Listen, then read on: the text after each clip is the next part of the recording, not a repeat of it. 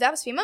Danas prelazimo na nešto malo ozbiljnije posle priče o praznicima, pakovanju poklona slavama, prijedanjima i tako dalje i posle one tužne epizode o tome kako više nemamo sneg i zašto više nemamo sneg. Um, danas zalazimo u nešto što je u suštini sama srž našeg podcasta i ono iz čega sve stvari o kojima pričamo na našem podcastu dolaze na neki način, a o čemu realno gledano možda i ne razmišljamo previše na nekom dnevnom nivou. Mislim, zavisi opet od obrazovanja od toga čime se bavimo, ali nekako ne bavimo se na dnevnom nivou naučnim radovima ili uopšte naučnim metodom ili nekim novim dešavanjima u nauci, sve dok ona nisu dovoljno, da kažemo, velika da za njih odjednom svi znamo ili da se desilo nešto mnogo loše pa da moramo svi da znamo zato što je narušen neki međunarodni dogovor, zato što je određeno nešto jako opasno i tako dalje nekako mislim da je krajnje vreme da, s obzirom na to da je ovaj podcast prvenstveno naučno popularan, um, da se pozabavimo i samom temom nauke, odnosno da probamo malo da zagrebemo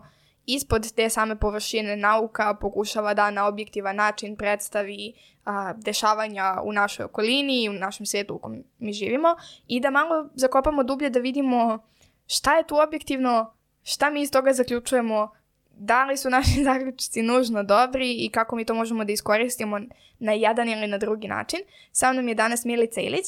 A Milica je član Ekoblog redakcije i udruženja Ekogeneza. Jedna od ljudi koja je radila i na EkoCon konferenciji koju smo skoro organizovali i konačno na ovom podcastu posle meseci ovaj, pregovaranja. Milica je inače po struci molekularni biolog I evo, došla je s nama malo da razgovara o tome šta je to nauka i kako se mi to tačno naukom bavimo i kako to izgleda i ovde. Tako da, eto, zdravo Milice. Zdravo Teja, zdravo slušalci. Imaš a, tu čast da nam danas predstaviš neku svoju priču, neku svoju anegdotu vezanu za ovu našu današnju temu nauke koja je toliko široka, evo možeš, možeš da biraš. Pa, uh, te, moja anegdota uh, bi bila činjenica da sam ja mislila da uh, na ovom podcastu i dalje kao uvod koristite uh, citate. I tako Posle sam ja napravila... dve sezone nekorišćenja citata. Da. Sad znamo ko nije slušao Damaći. Kriva sam, priznajem. Uh, ja sam tako spremila listu nekih, pa deset citata, od kojih uh, je pet onako, zaokruženo kao da su dobri. Ti meni pokušavaš da kažeš da si ti spremila gomilu citata za deo koji se zove anegdote. E, da. to pokušavam da kažem. ok, ok, nema veze, ništa. E, sada slušamo listu opet Milicinih citata, pošto eto, drugačije. Milicinih ili Milicinih, kako? A, pa, možda više volim Milicinih. Dobro, eto. A, može lična preferencija. Citata Milice. Citata. to, citata Milice. Ajde da čujemo. Ajde. Dakle, Albert Einstein je rekao, o, najvažnije, najvažnije je da nikada ne prestanemo da postavljamo pitanja. A Marija Kiri je rekla... Pa ti ideš ničega... sa velikim imenima. Pa naravno. Ničega se u životu ne treba bojati, nego ga samo treba razumeti. Sada je vreme da razumemo više, da bismo se plašili manje. Pogotovo sada. Sada. Mislim da je ovaj citat savršen za cijelu 2020. godinu i početak 2021. Veoma lepo opisuje situaciju u kojoj se nalazimo.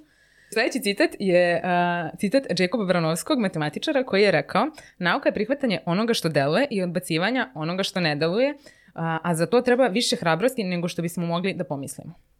I, pa ovo će biti poslednji citat, uh, citat koji je rekao Edwin Hubble, poznati astronom, Opremljen sa svojih pet čula, čovek istražuje univerzum oko njega i zove ovu avanturu nauka. I ovo je možda moj lični omiljeni. Joj, divno, nekako, krenula si sve sa velikim imenima, ovaj, sviđa mi se ovo, nego me zanima, evo sad čujemo ovo četiri citata i svi na neki način pričaju o toj nauci kao nekom idealu, kao nečemu što je zapravo naš alat da spoznamo svet oko sebe i da razumemo sve što se u njemu dešava i često mi o nauci razmišljamo na taj način. Kao da je nauka nešto što nama omogućava da razumemo ovu planetu i naše mesto u njoj. Međutim, takođe u poslednje vreme možda i nešto što nama pomaže da se mi kao ljudi bolje snađemo. Ne mogu da kažem da li je to dobro ili loše, ovaj, mislim, jer snalazimo se kako i time što sebi bukvalno produžavamo živote medicinom, zato što današnji čovek živi mnogo, mnogo duže od istog tog takvog fiziološki i kao svakako evolutivno gledano čoveka pre 50 ili 100 godina, isto tako možemo da kažemo i da je negativna stvar s obzirom na to da smo svi vrlo svesni nekih jako, jako opasnih i ružnih stvari koje nam je nauka donela, ali ajmo malo samo da probamo da razgraničimo možda šta je, ta, šta je nauka, a šta nije nauka. I kako mi znamo šta je nauka i da li mi uopšte znamo šta je nauka. Pa za početak. Možemo reći da mi zapravo ne znamo šta je nauka. Tačnije, um, zapravo ne postoji jasno definisana um, definicija nauke, bukvalno ne postoji definicija nauke. Uh, ja sam pokušavala dakle, da iskopam neke definicije ili neke osnovne odredbe toga šta je nauka. I ono što se svi slažu jeste da je nauka celokupno do sada stečeno znanje koje se zasniva na posmatranju i na eksperimentima, dakle na stalnim pokušajima i greškama iz kojih učimo i nadograđujemo to znanje i da su neke osnovne odredbe nauke objektivnost, logično razmišljanje i uh, jednostavno da se nauka bavi materijalnim svetom. Ono što je osnovno što bismo mogli reći o nauci jeste da se ona uh, zasniva na naučnom metodu i da nabrojim sad neke korake tog naučnog metoda. Dakle, mi posmatramo neku pojavu i postavljamo određena pitanja. Dakle, zanima nas uh, šta je ta pojava ili koji je uzrok te pojave. Naprimer, nebo je plavo. Sad mi konstatujemo da je nebo plavo i pitamo se zašto je nebo plavo. I onda uh, jednostavno logički razmišljamo koje bi bili mogući odgovori, uzroci i postavljamo hipotezu. Dakle, u nauci su najvažnije hipoteze, uh, odnosno uh, mogući odgovori na postavljena pitanja. Na primer, nebo je plavo zbog toga što svetlost tokom većine dana u podnevnim satima pada pod pravim uglom na zemljinu površinu i uh, rasipa se u atmosferi i najviše do uh, našeg oka zapravo dopiru Te talasi... dužine, je li tako? Okej. Okay.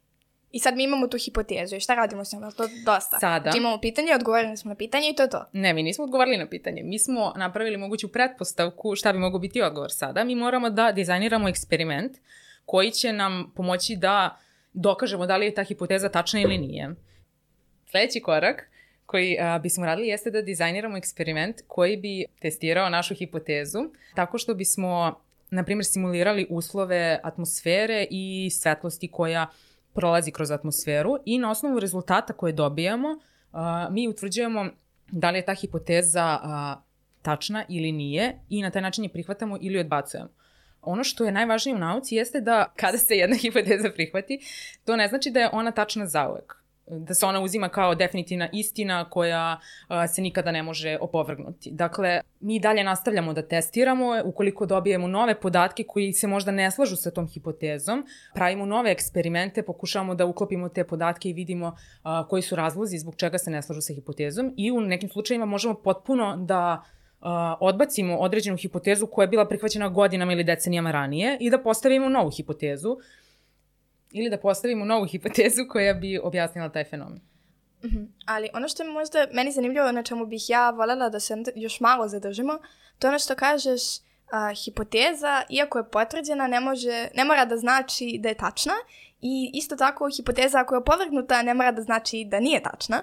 Tako da bih malo da se pozabavimo time zapravo da li, to jest kako mi kada imamo neki rad, pošto uglavnom kad imamo neku hipotezu, testiramo je, o tome napišemo rad, mi možemo da imamo neke radove koji su možda, da kažem, čiji su čije su otkrića lažno pozitivne ili lažno negativno u tom smislu da ili smo nešto zaznali u eksperimentu pa nismo izolovali lepu pojavu koju posmatramo ili smo, ne znam, imali premalu, premali broj uzoraka pa nismo, ne možemo da zaključimo nešto o, o, o tome. Pričali smo u epizodi o statistici i o P vrednosti, o tome šta ona znači i zašto je ona bitna i ne bih se mnogo zadržavala na tome ovaj, i o nekim drugim merama, jel te? Ali e, ono što je meni tu interesantno jeste baš to, znači da možda ako, ne znam, ja radim neki eksperiment i ti radiš neki eksperiment i mislimo da ga radimo u potpuno istim uslovima, za, na kraju zapravo može da se ispostavi da ćemo da dobijemo i ti i ja različite podatke. I to je ono što meni možda najinteresantnija stvar kod nauke jeste što nauka sama sebe nekako prepravlja, sama sebe opovrgava, sama sebe testira ponovo kroz jedan proces koji uh, se u svetu naziva peer review, ne znam kako se prevodi na srpski, ali ovaj, podrazumeva u suštini to da ti kažeš, e ljudi, ja sam našla da ovaj lek ovde leči kancer i hoćeš to da objaviš u nekom časopisu i sada ja kažem dobro, da vidim koji je to lek i šta on radi i ajde da uzem ja neke ćelije kancera i da probam da ih ubijem tim lekom i da vidim da li ću ja da dobijem iste rezultate kao i ti. Mislim, na primer, najbanalniji primer. I to je možda ono što je meni nekako naj, najlepše kod toga da mi imamo situaciju tu da zapravo vi kada objavite rad nije kao eto ja sam nešto otkrio i eto, ovaj, nego on vrlo lako može da bude zapravo povrgnut i da se ispostavi da je potpuno jedna suprotna stvar tačna i čak i neki naučici koji onda pričali smo o tome se igraju sa tom P vrednošću i ispuštaju je nekim hakovima ovaj, da oni možda i nisu baš tonko pametni jer svakako može da se desi da neko uzme i da proba da ponovi to i da kao mm -mm. Ove, I svaka zapravo hipoteza koja je, da kažemo, dokazana, ona mora biti ponovljiva. Znači, mi moramo da u istim uslovima dobijemo iste ili približno iste rezultate. E sad, ono što mene zanima, tu jako veliku ulogu igraju i mislim zašto se uopšte piha koji je i šta, ono, šta je point cijela svega, jako veliku ulogu u nauci igraju naučni časopisi.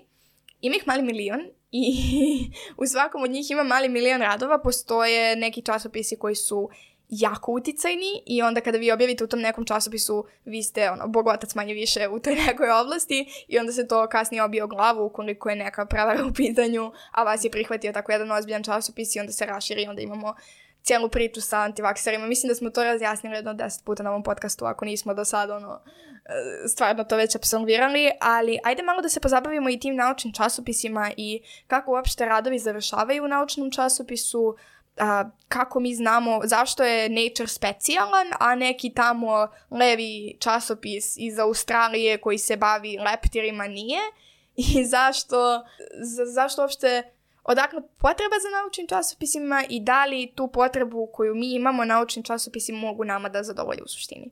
Počela bih zapravo od pitanja a, zašto su nam uopšte potrebni naučni časopisi.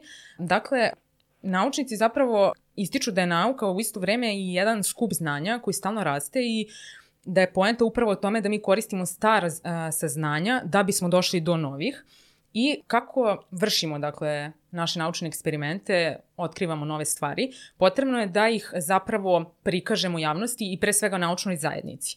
I upravo tome služe naučni časopisi, dakle oni su glavni način kako mi naše rezultate i naše istraživanja možemo predstaviti naučnoj zajednici. Na svetu postoji skoro 8 milijardi ljudi, stvarno ne znam koliko njih je, se zapravo bavi naukom, ali sve u svemu to je jedan veliki broj i uh, sve čime se bavimo mora biti dostupno. To mora biti neki kolektivni skup znanja i upravo je to glavna uloga naučnih časopisa, koji su inače prvi put se pojavili zapravo u 17. veku u Engleskoj i Francuskoj, to je na primjer ono što je meni zanimljivo, prvi pravi naučni časopisi. Danas ih ima više desetina hiljada i razlikuju se po mnogo čemu i pre svega naravno po oblasti nauke.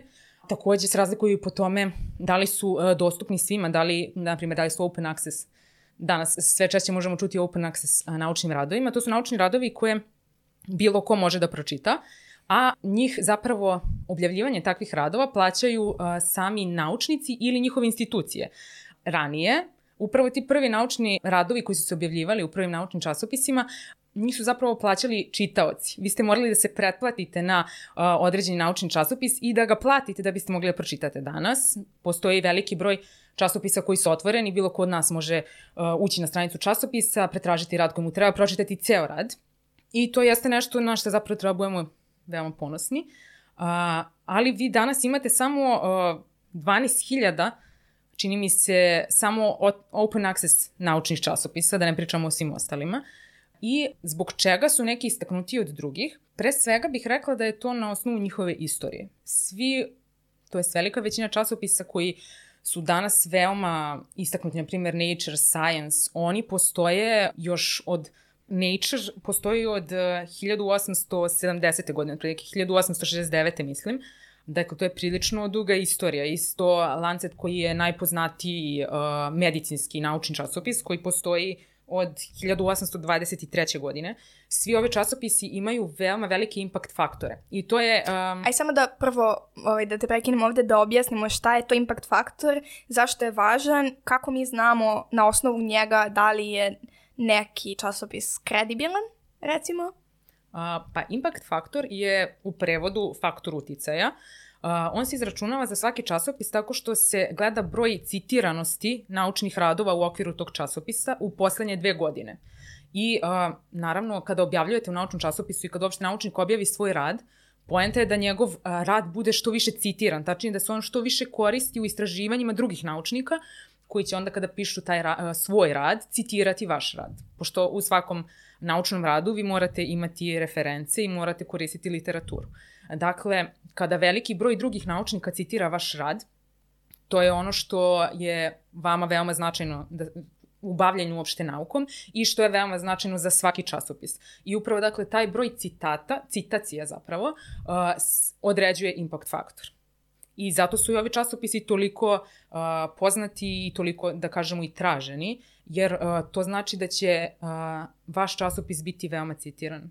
I zapravo da će ga dosta ljudi videti, jer kad ti, ono, da. kad objaviš rad o nature pa, to, pa je to nešto. Ali vidiš, to me sad vodi jednom drugom problemu tu, a to je koliko se zapravo oslanjamo na taj impact faktor. Koliko mi zapravo zaista gledamo, kad gledamo gde ćemo da pošaljemo neki svoj rad, gledamo da li ću ja da ga pošaljem, aj probat ću prvo u nature, pa ako prođe, a ako ne, onda idemo sa strane da nađemo nekoga ko će da nas primi. I mislim da to zapravo popravito jedan, da kažemo, loša taktika, jer videli smo šta se dešava. Mislim, i rad prvobitni, evo vraćam se ponovo na tu antivakcinaciju, ovaj, taj rad prvobitni je bio objavljen upravo u tom istom lancetu koji je kao poznat i koji je kao, razumeš, ti moraš da prođeš redove, redove i redove editora da bi došao uopšte do toga da se tvoj rad nađe tu. I onda će ljudi ono, mislim i mi često ovde, uh, ne znam, kad spremamo epizodu pa tražimo nešto, pa ja uzmem, pronađem rad od Nature, pročitam ga i iz njega izvučem neki podatak i zapitam se jednom, dva put, ono, je li to sigurno tako, Pro, pročka možda negde sa strane, to je to, a nekada ni to. Zato što da. ipak je to rad u nature i tu smo negde svi, da kažemo, osetljivi, jer e, opet, da, treba biti skeptičan prema svemu, ali ne treba da ne možeš da živiš od toga koliko si skeptičan i onda neke stvari prosto moramo prihvatimo zdravo za gotovo i ukoliko nisu ono od životnog značaja, zdravstvenog ili kako god, uh, svakako da ne škodi više čitati naravno, ali ne treba sada ja da ustanem ujutru i da uh, budem paranoična oko toga da li će danas gravitacija da postoji i da li ću ja i danas ono, uh, se neću otrovati vodom, znači prosto postoje neke stvari koje možemo da dozvolimo sebi da uzmemo zdravo za gotovo, ali sad sam malo skrenula sa teme ove, sa priča o impact faktorima, zato što ono što je još jedan jako veliki problem, a to je da mi imamo mnogo, mnogo, mnogo malih časopisa koji da. redovno objavljuju, ali koji imaju taj problem da su, to ono što si ti pričala, da pokrivaju jednu jako usku nišu stvari. Naprimjer, ne znam, imate uh, neki časopis koji se bavi isključivo uh, leptirima, ajde da kažemo. I da. vi onda u tom časopisu imate samo radove koji se bave leptirima i koje neće da vidi toliko ljudi koliko ćete ih vidi ukoliko vi u Nature, na primjer, objavite isto neki članak o leptirima.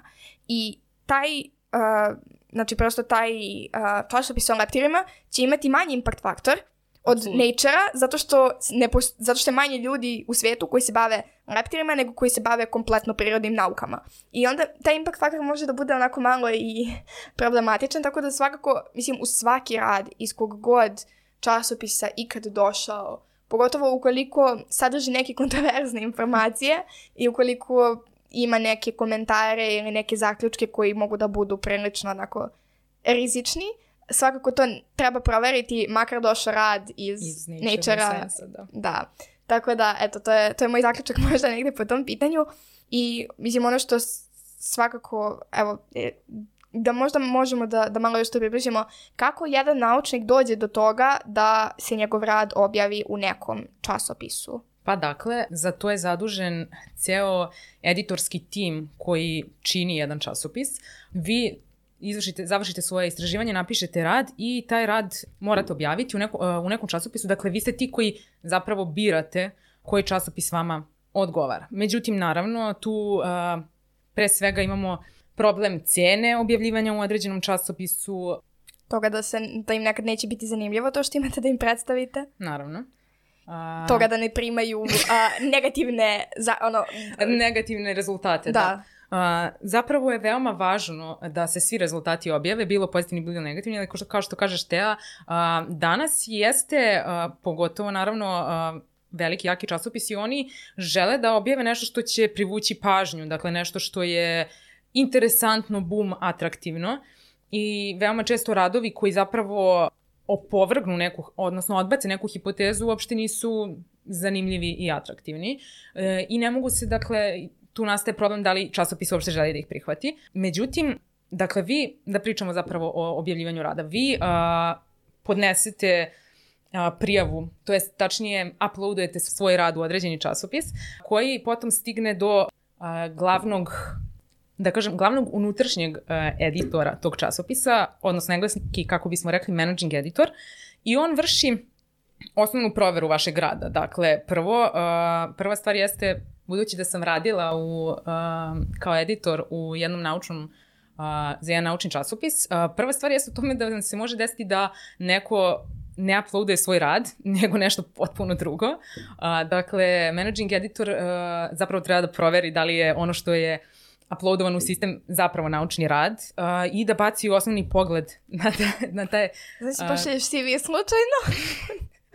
Dešavalo se stvarno da nam neko pošalje pola strane nečega. Joj. Ovaj, a, dakle, on mora da proveri da li je u pitanju zapravo naučni rad i mora proveri ko su autori. Um, veoma je naravno bitna i pozadina tih autora, dakle da li su oni ikada išta objavljivali ranije i razne neke druge stvari.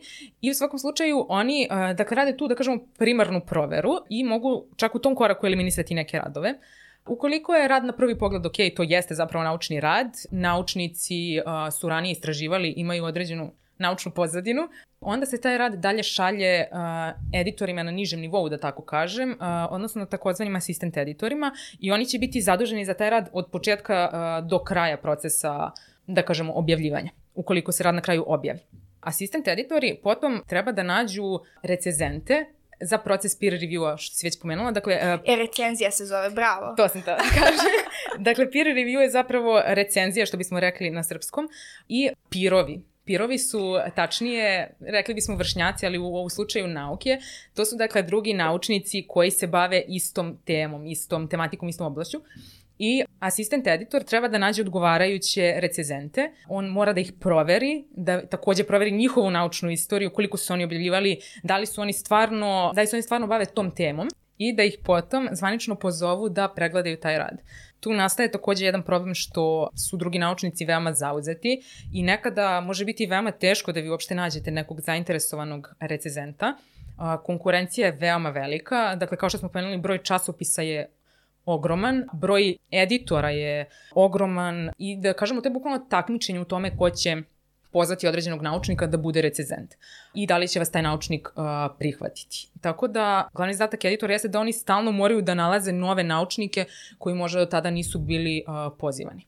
Kada vam uh, recezent prihvati, to je kada neki naučnik prihvati da radi recenziju vama dodeljenog naučnog rada, potrebno je da za neko vreme koje se dogovorite, uh, on vama pošalje detaljan izveštaj o tom radu. Ono što se naravno dešava jeste da vam recezent nakon čak i nekada veoma produženog perioda uh, pošalje izveštaj koji glasi rad je super objavite ga ili rad je loš uh, odbite ga, što nikako nije dovoljno. I tada se ceo proces ponavlja, vi zovete nove recezente i zbog toga proces objavljivanja određenog naučnog rada može trajati veoma dugo a potrebno je da vi imate makar dva, nekada i tri, stvarno u zavisnosti od časopisa do časopisa, a, dobra izveštaja da biste mogli da donesete odluku o određenom a, naučnom radu. E sada, može se desiti da dobijete izveštaje koji su dobri, ali vam jedan kaže odbite rad, a drugi vam kaže prihvatite rad. Tada morate naći nove naučnike, e, imati dodatne izveštaje i sve to na kraju šaljete eksternim editorima. Dakle, ono što je važno za svaki časopis da, jeste da oni imaju unutrašnje editore i eksterne, spoljašnje tako, takozvano spoljašnje editore koji čine njihov uh, editorial board, uh, dakle editorski odbor tog časopisa. Vi birate dakle određenog eksternog editora kojem šaljete te izveštaje i koji treba da donese odluku o tom naučnom radu. Da li taj rad može da se objavi u toj formi, da li on treba da se uh, prepravlja od strane autora, takozvana revizija uh, ili je rad uh, loš i jednostavno treba da se odbije. Da, to je, mislim, jedan onako preozbiljan proces koji mislim da se jako često i ne vidi tokom svega toga i jako veliki pritisak kako na samim urednicima koji rade, odnosno editorima u časopisima, tako i na naučnicima koji stalno moraju da štancuju nove radove, jer to što kažeš upravo, znači ti kad napišeš svoj prvi rad, tebe će neko da proverava i nekada će da te odbiju zato što do sad nisi imao rad i to je ono vas da ne mogu da ti dam posao zato što nemaš iskustva, ali ne znam kako drugačije planiraš da nađeš to iskustvo kad niko neće ti da posao zato što nemaš iskustva. Ovaj, tako, da, tako da to je onako jedan, jedan prilično začarani krug gde niko ne može da dođe sebi od posla, a zapravo sve vreme juri nešto čega nikako nema. I mislim da to se sve više i više viđa sa naučnicima, pogotovo ovde kod nas, zato što zaista i fondovi iz kojih se finansiraju ti grantovi koji pomažu naučnicima da rade svoj posao, pošto su stvari koje neki naučnici koriste ekstremno skupe, i nekada vam zaista treba, ono, ne znam, i epruveta i uh, nekih sojeva bakterija i da vam radi inkubator 24 sata, 7 dana u nedelji i mislim, kada bi ljudi plaćali to iz svog džepa, svi bi pomrli manje više. Ove, ovaj, tako da se stalno jure ti grantovi, stalno se jure neke stipendije, stalno se jure neke pare od nekoga negde. I naučnici, to smo pričali već u, u epizodi o statistici, znači naučnici stalno jure a, to i stalno moraju da gledaju a, zašto je to važno. Znači, i sve vreme je akcent na primjenjeni nauci, primjenjeni nauci i fundamentalna nauka, ono, ono, ona osnovna nauka gdje smo mi kao, ajde da saznamo nešto o životu zato što nas zanima, ne, ne može, nećeš ti da dobiješ pare, dobit će pare ovo što kaže ja ću da tražim lek protiv raka. I zato se naravno ulažu milioni, milioni svega i svačega u um, otkriće, na primjer, leka protiv raka i da, napravili smo progres, veliki progres, ali i dalje nismo rešili problem i zbog tog dijela te primene koja, na koji se stalno tako insistira i vi kada pišete a, prijavu za grant, vas će neko pita zašto je važno to što ti radiš, a ti ne možeš da kažeš pa važno mi je zato što mene zanima, o, nego moraš da mu daš neki razlog zašto to sve, gde to može da se primeni i gde to ljudi mogu da iskoriste, to je ono što sam ja pričala na početku. Da možda nije pretjerano dobro to što smo mi od nauke napravili nešto što će nama da služi kao alat, onda kada smo zapravo originalno hteli da nam služi da spoznamo sve oko sebe. Um, I mislim, to je, ja mislim, sve veći i veći problem, pogotovo u zemljama poput naše, koje zaista um, nemaju para da odvoje, a i kad bi, kad bi imale te pare bi na nešto drugo išle. Tako da, ono što sad ja postavljam pitanje jeste koliko je zapravo teško biti naučnik. Uh, pa teško pitanje. ja bih rekla da je prilično teško. Pre svega upravo uh, to što pričaš nauka ne može uh, biti odvojena. Dakle, naučnici su deo društva, oni su pod uticajem društva uh, i nauka je definitivno pod uticajem uh, pre svega politike. Upravo govorimo o politizaciji i tačnije o tome kako politika, kako odnosi u društvu utiču na šta se usmeravaju novčana sredstva a, i šta je to što zapravo želimo da istražujemo i ono što je e, i šta je to što je nama najvažnije. Dakle mi ne možemo definitivno trošiti novčana sredstva na, na istraživanje svega sve vreme. I zbog toga nastaje taj problem da mi imamo organizacije koje određuju gde se usmeravaju sredstva i donekle vrše pritisak na naučnike. Tako da naučnici moraju da se uklope u to i upravo ono o čemu si pričala, moraju, um, bukvalno kažemo da uh, razmišljaju politički. Moraju stalno da razmišljaju uh, na koji način, koju rečenicu da ubace u svoj uh, predlog projekta uh, da bi privukli nečiju pažnju. Uh, naprimer, jedna veoma zanimljiva stvar koju sam našla jeste da jedno vreme naučnici u, Amer u Americi, ja mislim, nisu mogli da koriste izraz klimatske promene, već su koristili izraz biogeohemijski ciklusi, zbog toga što se to jednom kongresmenu nije svidelo i on kada god bi video taj izraz u nekom predlogu projekta, on bi taj projekat odmah odbacio. A, tako da definitivno možemo reći da naučnicima veoma teško da oni moraju dosta da se prilagođavaju a, drugim pripadnicima a, društva.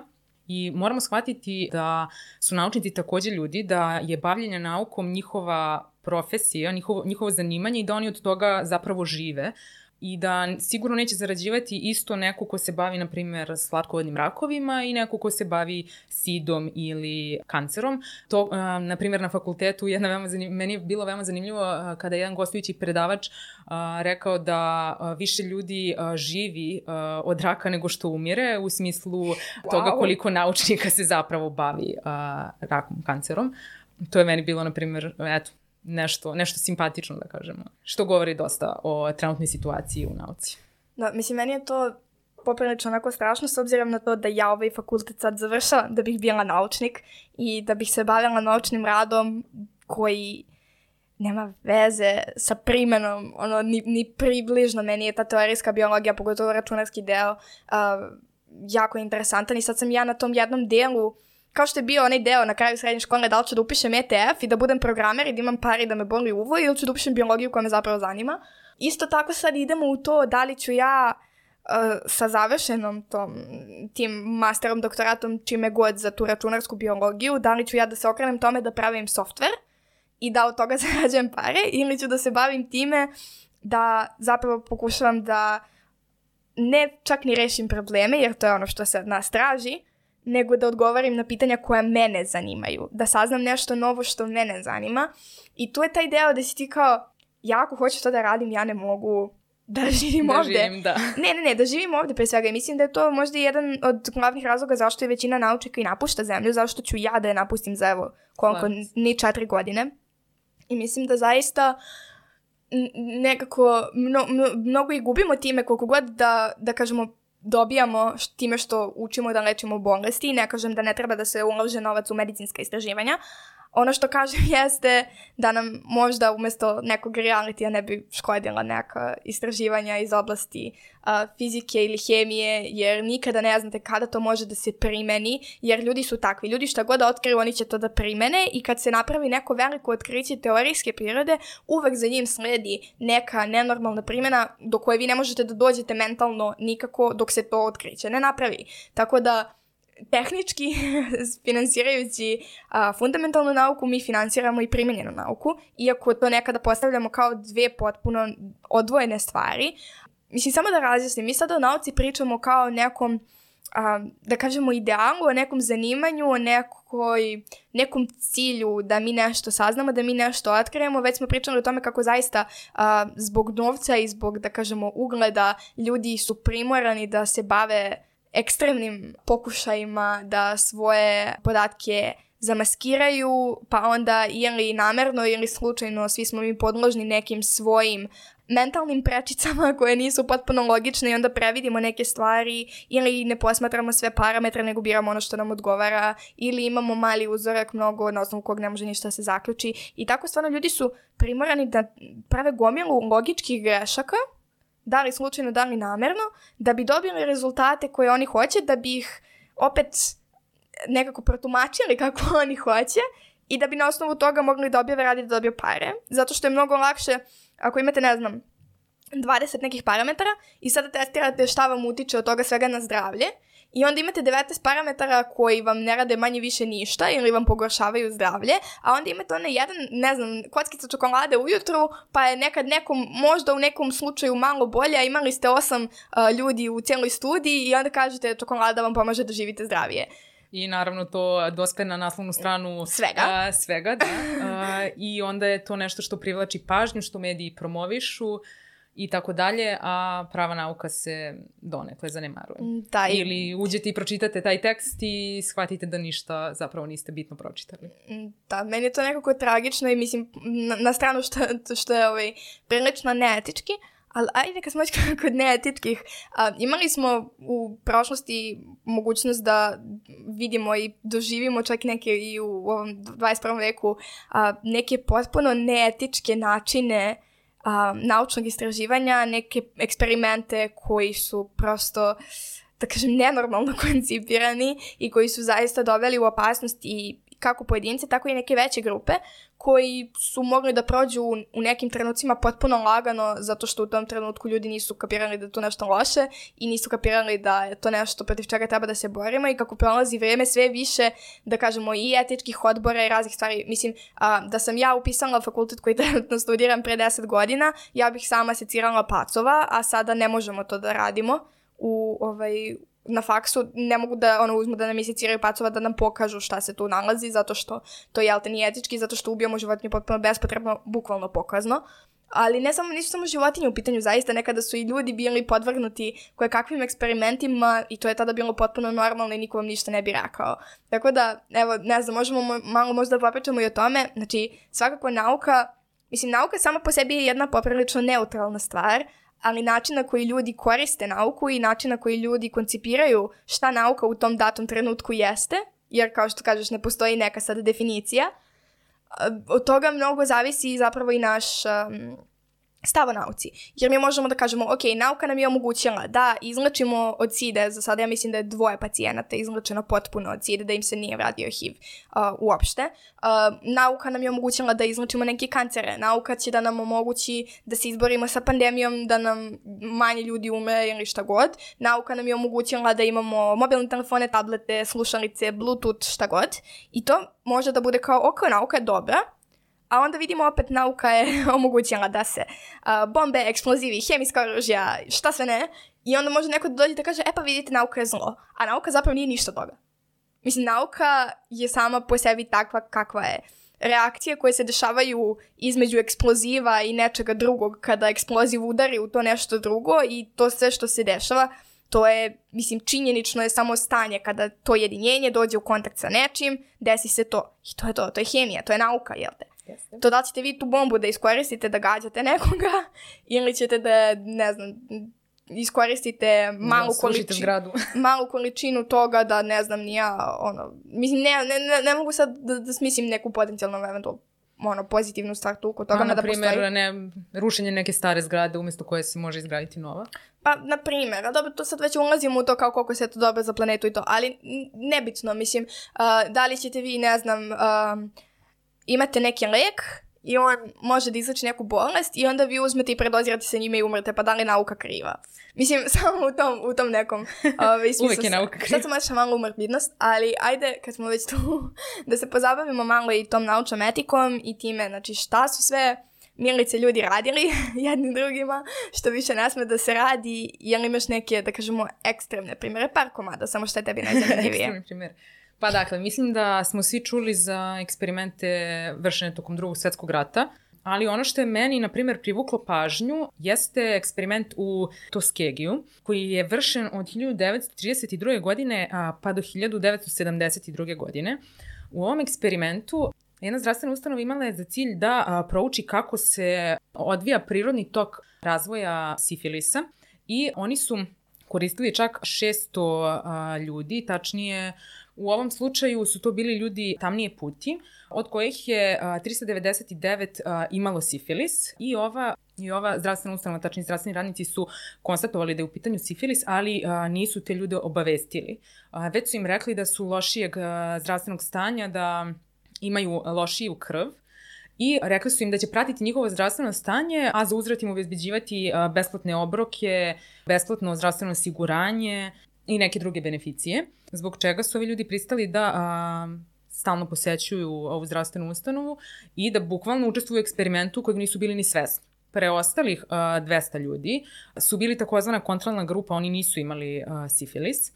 I, dakle, u ovom slučaju naučnici su bukvalno a, dozvolili da ljudi koji imaju određenu diagnozu umiru O 1947. godine je zvanično prihvaćeno da se penicilin koristi za lečenje cifilisa, međutim, naučnici nisu dozvolili primenu penicilina za lečenje ovih ljudi i možemo reći da su ih bukvalno pustili da umru. Znači, njihov cilj je bio da vide kako će se bolest razvijeti do samog kraja, do smrti. I kao što vidimo, eksperimenti traju 40 godina, kada se saznalo za, za ovo i kada je slučaj prijavljen, dakle kada je dospeo do šire javnosti, eksperiment je naravno nasilno obustavljen i o, označen je kao jedan od najstrašnijih eksperimenata u istoriji a, Sjednjih američkih država. Tako da je definitivno ovo, ovaj eksperiment nešto što je meni privuklo pažnju i što se dešavalo pre bukvalno 50 godina.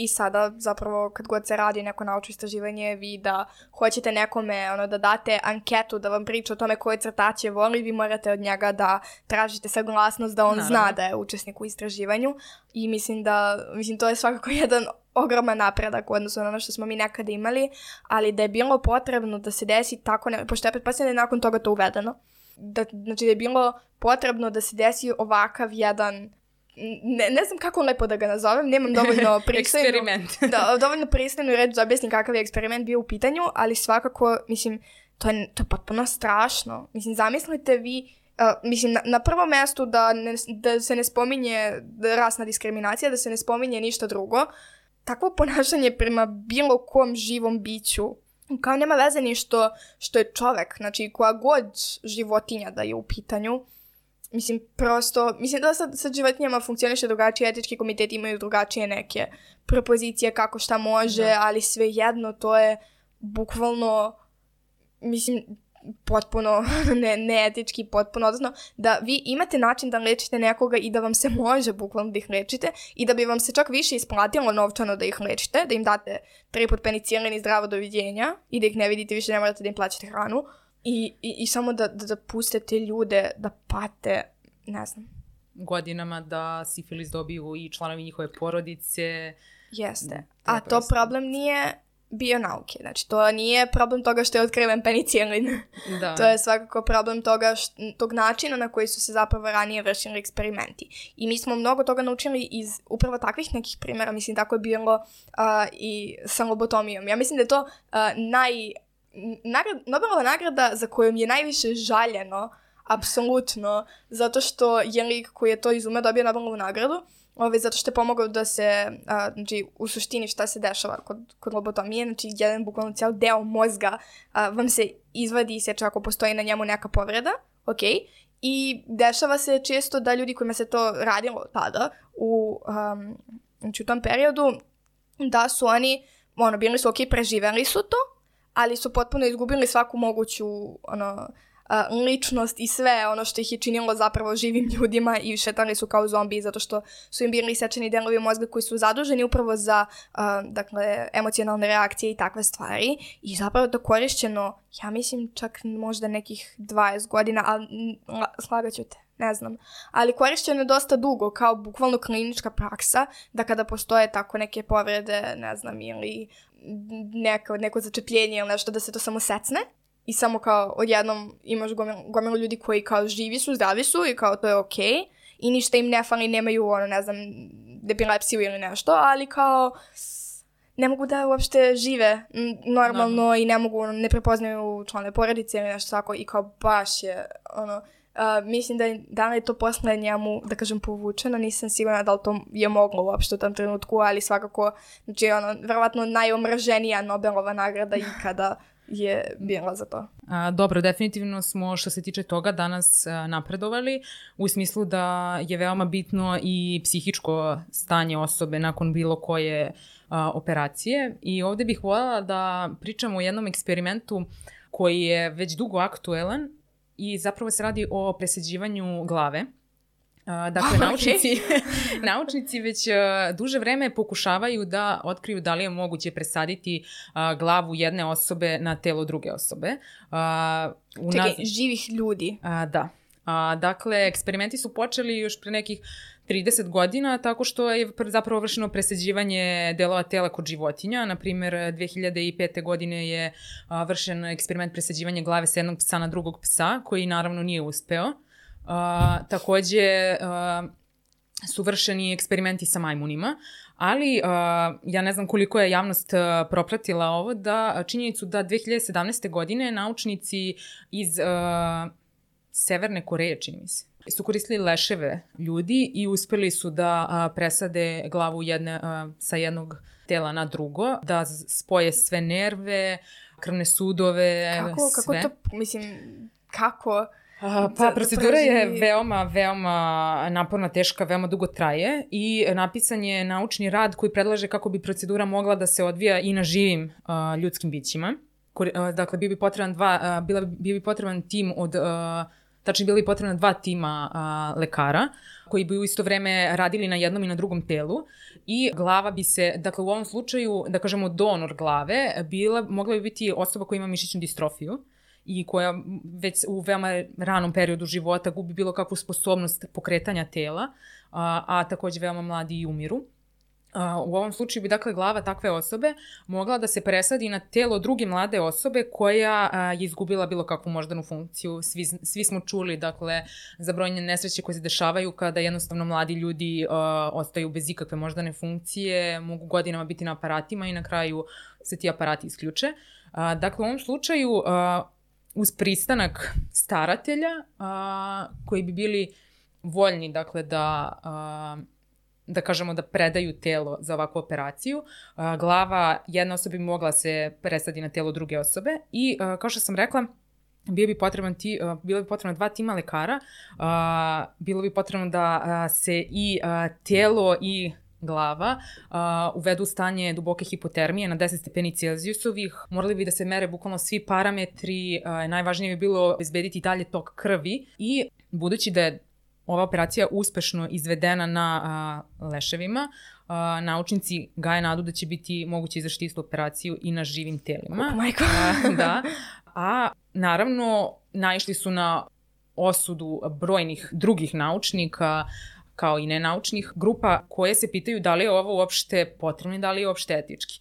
I a, njihov glavni, dakle glavni odgovor ovih naučnika jeste, jeste upravo primena a, kod ljudi koji jednostavno nemaju, nemaju drugi izbor da bi nastavili da žive. Međutim, još jedna stvar koja se nameće jeste, mi svi znamo, dakle, znamo a, kako se vrši transplantacija jednostavno organa, I kada jedno um, mlado i zdravo telo sa zdravim organima može da se iskoristi za spašavanje života velikog broja ljudi. Dakle, neko dobije srce, neko dobije uh, bubrege, jetru i tako dalje, pluća. Uh, mi ovde imamo dakle, već preko petor ljudi kojima bi život mogao biti spašen, a u ovom slučaju biste spasili samo jednu osobu.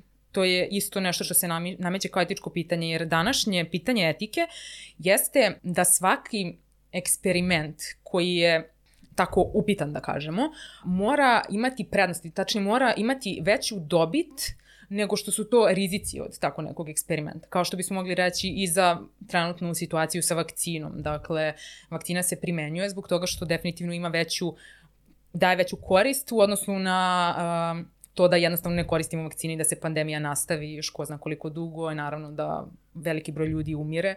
Uh, dakle, isto, ist, isto razmišljanje se primenjuje za svaki eksperiment. Pa da, ali ono što je meni zanimljivo jeste da uvek u ovakvim situacijama imamo neki konsenzus, imamo nešto, ok, ne znamo da li je ovo u redu, ne znamo da li je ovo etički, ne znamo da li je ovo bezbedno, ali ajde da se mi svi držimo nekog dogovora i da onda na osnovu tog dogovora pravimo male korake da bi sve ovo bilo što bezbednije, što ti kaže što veća dobit. I imali smo zanimljiv primer poprilično neetičkog postupanja ovaj, pre nekoliko godina u Kini S obzirom na to da su skoro otkrivene i od, otkriveni mehanizmi po kojima funkcioniše um, izmene genetičkog materijala u organizmima, takozvani CRISPR sistem, o, on je korišćen mnogo dugo, on se koristi za genetičku modifikaciju svega i svačega i uh, skoro nešto se koristi i na životinjama. Ovaj, među, za neke istraživanja, ispitivanja, šta god, i u nekom trenutku on krenuo da se koristi i na ljudskim embrionima, da bismo mi videli da li postoji mogućnost da ovim sistemom a, menjamo ljudske embrione. Koliko je to etički ili nije, ja ne bih sad u to ulazila, ulazila bih ono što se kasnije desilo, s obzirom na to da su jasno postojala uputstva da kada se tako nešto radi, embrioni moraju da se ubiju nakon toga. Obavezno po kratkom postupku, znači bez ikakvog izuzetka. I pre par godina je zapravo jedan kineski naučnik rešio da kaže ajde, vi začepite, ja ću da radim šta ja hoću, Ove, ovaj, da ne kažem za nešto drugo. Ove, ovaj, I onda je on zapravo šta je uradio, on je uzeo, dakle, izmenio je genetički materijal tih embriona, bili su blizanci u pitanju, i vratio ih je u majku. Da se razviju. I naučna zajednica je poludala, naučna zajednica je htjela, mislim, mislim da su ga čak i izbacili, da mu više nije dozvoljeno uopšte da se bavi naukom ikada igde, zato što postoji dogovor, imamo međunarodni dogovor, hoćemo da ljudi budu bezbedni, nećemo da, im da, da ih puštamo da se edituju tehnologijama koje nismo sigurni da 100% rade i da neće da naprave haos neki ili majci ili detetu. I dogovorili smo se da nećemo to da radimo i ti si sad to uradio i onda su ga bukvalno svi su samo skočili na njega i više mu nije bilo dozvoljeno bilo čime ikada da se bavi. Um, ta deca su sada, ja mislim, i dalje živa i zdrava i ništa im nije, mm. ali moglo je da se desi da ne bude tako.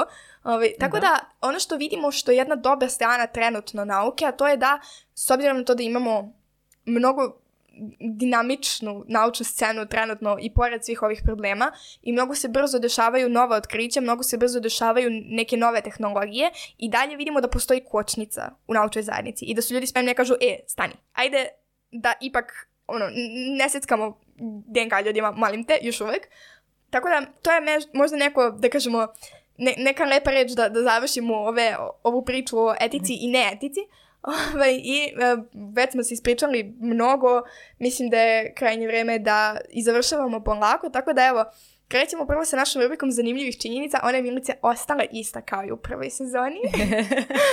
tako da, eto, šta je tvoja zanimljiva činjenica um, za danas? Moja zanimljiva činjenica jeste da ako na Google ukucate kloniranje ljubimca, vama iskoči veliki broj sajtova koji vam po maloj ceni od preko 25.000 dolara nude da klonirate svog ljubimca i a, da je a, Barbara Streisand uradila upravo to a, i zaključila zapravo da a, klonovi a, njenog ljubimca a, imaju drugačiju ličnost da kažemo drugačiji karakter, ponašaju se drugačije i zapravo imaju među sobom, pošto je ona napravila dva klona, uh, oni među sobom se takođe razlikuju.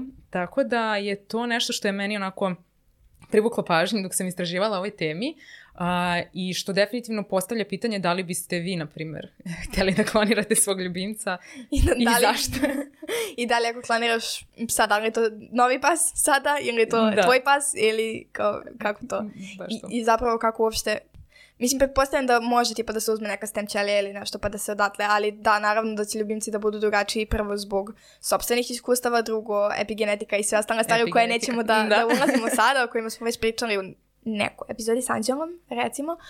ovaj, tako da, da, to, da, da li bi Milice ti klonirala svog ljubimca? Um, definitivno ne, zato što ja u potpunosti podržavam usvajanje ljubimaca. Imam uh, pet mačaka uh, koje su usvojene, tako da mislim da koliko god da volimo uh, naše ljubimce, neki ljudi ih smatraju članovima svoje porodice, donekle se mogu složiti. Uh, mislim da upravo smo zaključili da to nisu to nije isto biće ukoliko ga kloniramo, tako da ne vidim razlog zašto bismo onda to uradili kada možemo usvojiti drugo slično biće.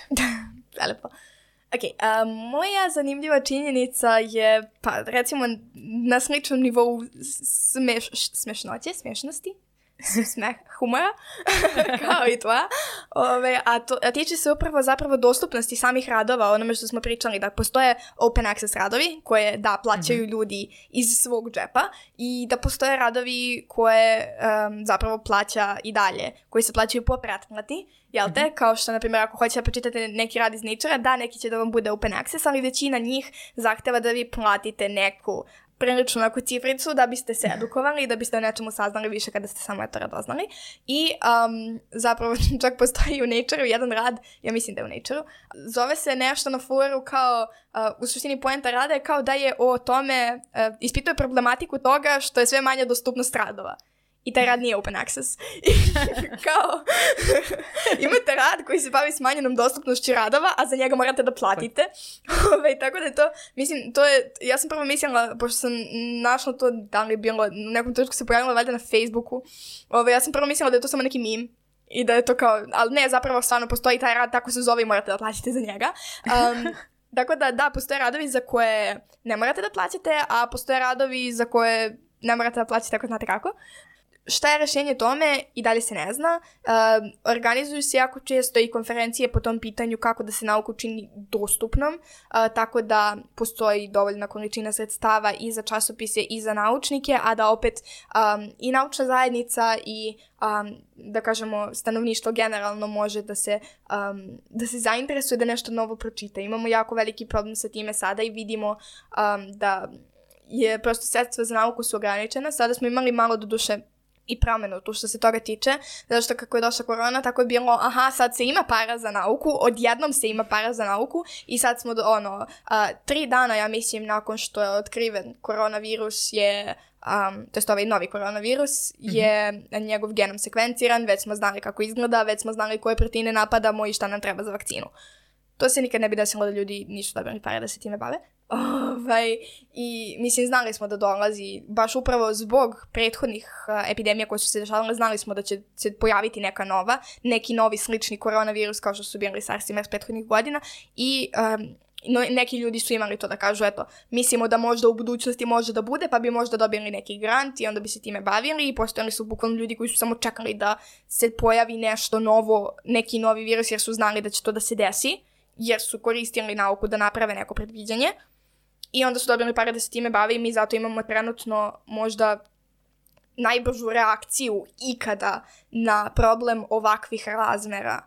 I radimo zapravo na tome da ga rešavamo mnogo efikasnije nego što smo mislili da ćemo moći, što je mislim, prosto neshvatljivo, jer nama smo, mi smo sad svi u fazonu, jao, šta je ova vakcina, šta je ovoliko dugo treba, a vakcini zapravo treba mnogo kraće nego ikada, jer se nekada prevede 10 godina samo da se traži na osnovu čega će da bude napravljena vakcina, a mi smo to odmah znali.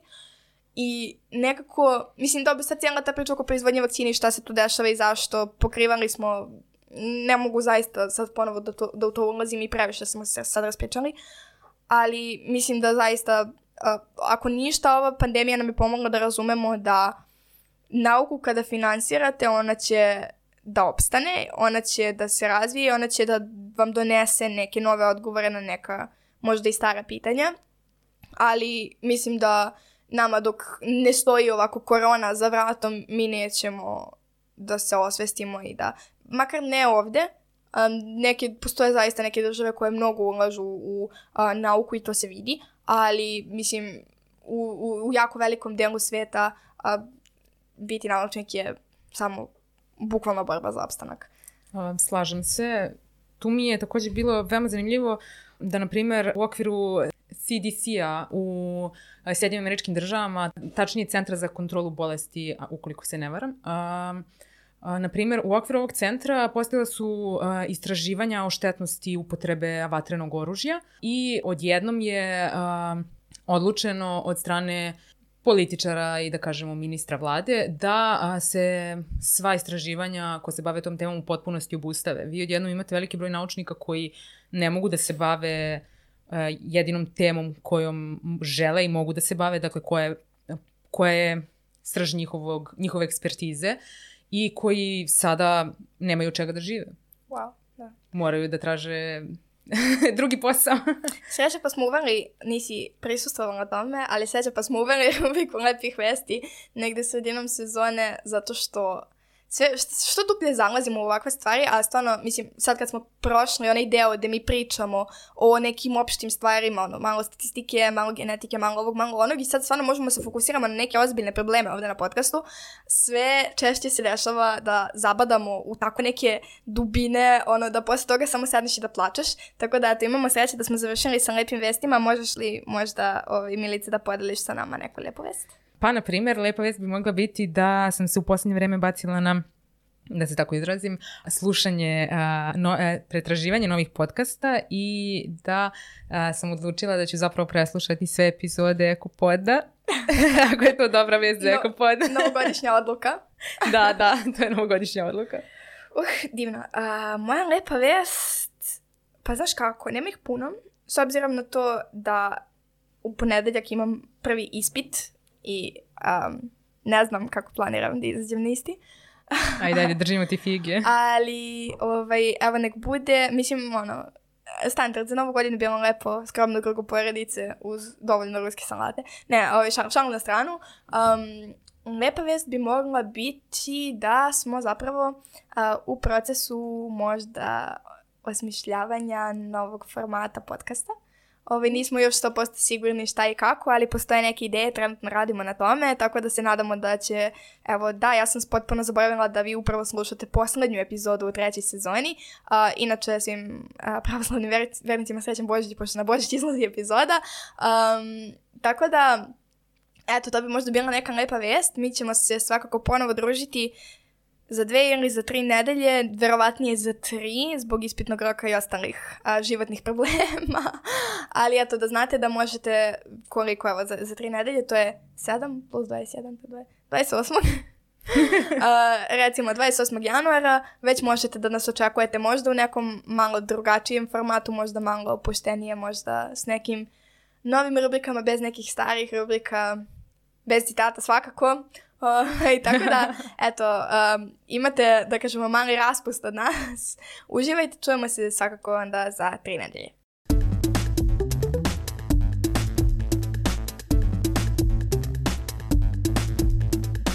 Um, jedan od ljudi koji radi na nekom blogu, uh, ne, na neku konu. Ajde, ajde, ajde, ajde. Dubina našeg bazena zavisi od toga koliko vode sipamo. Uopšte, kao ljudska nacija. Šta ja pričam, brate? Razvijamo se uopšte kao ljudski rod. Kako ti možeš da ispričaš sve što hoćeš odjednom, a ja ne? Eto Zato vidiš, što ja radim ovo već... 500.000 godina. Si nešto lepo jela skoro.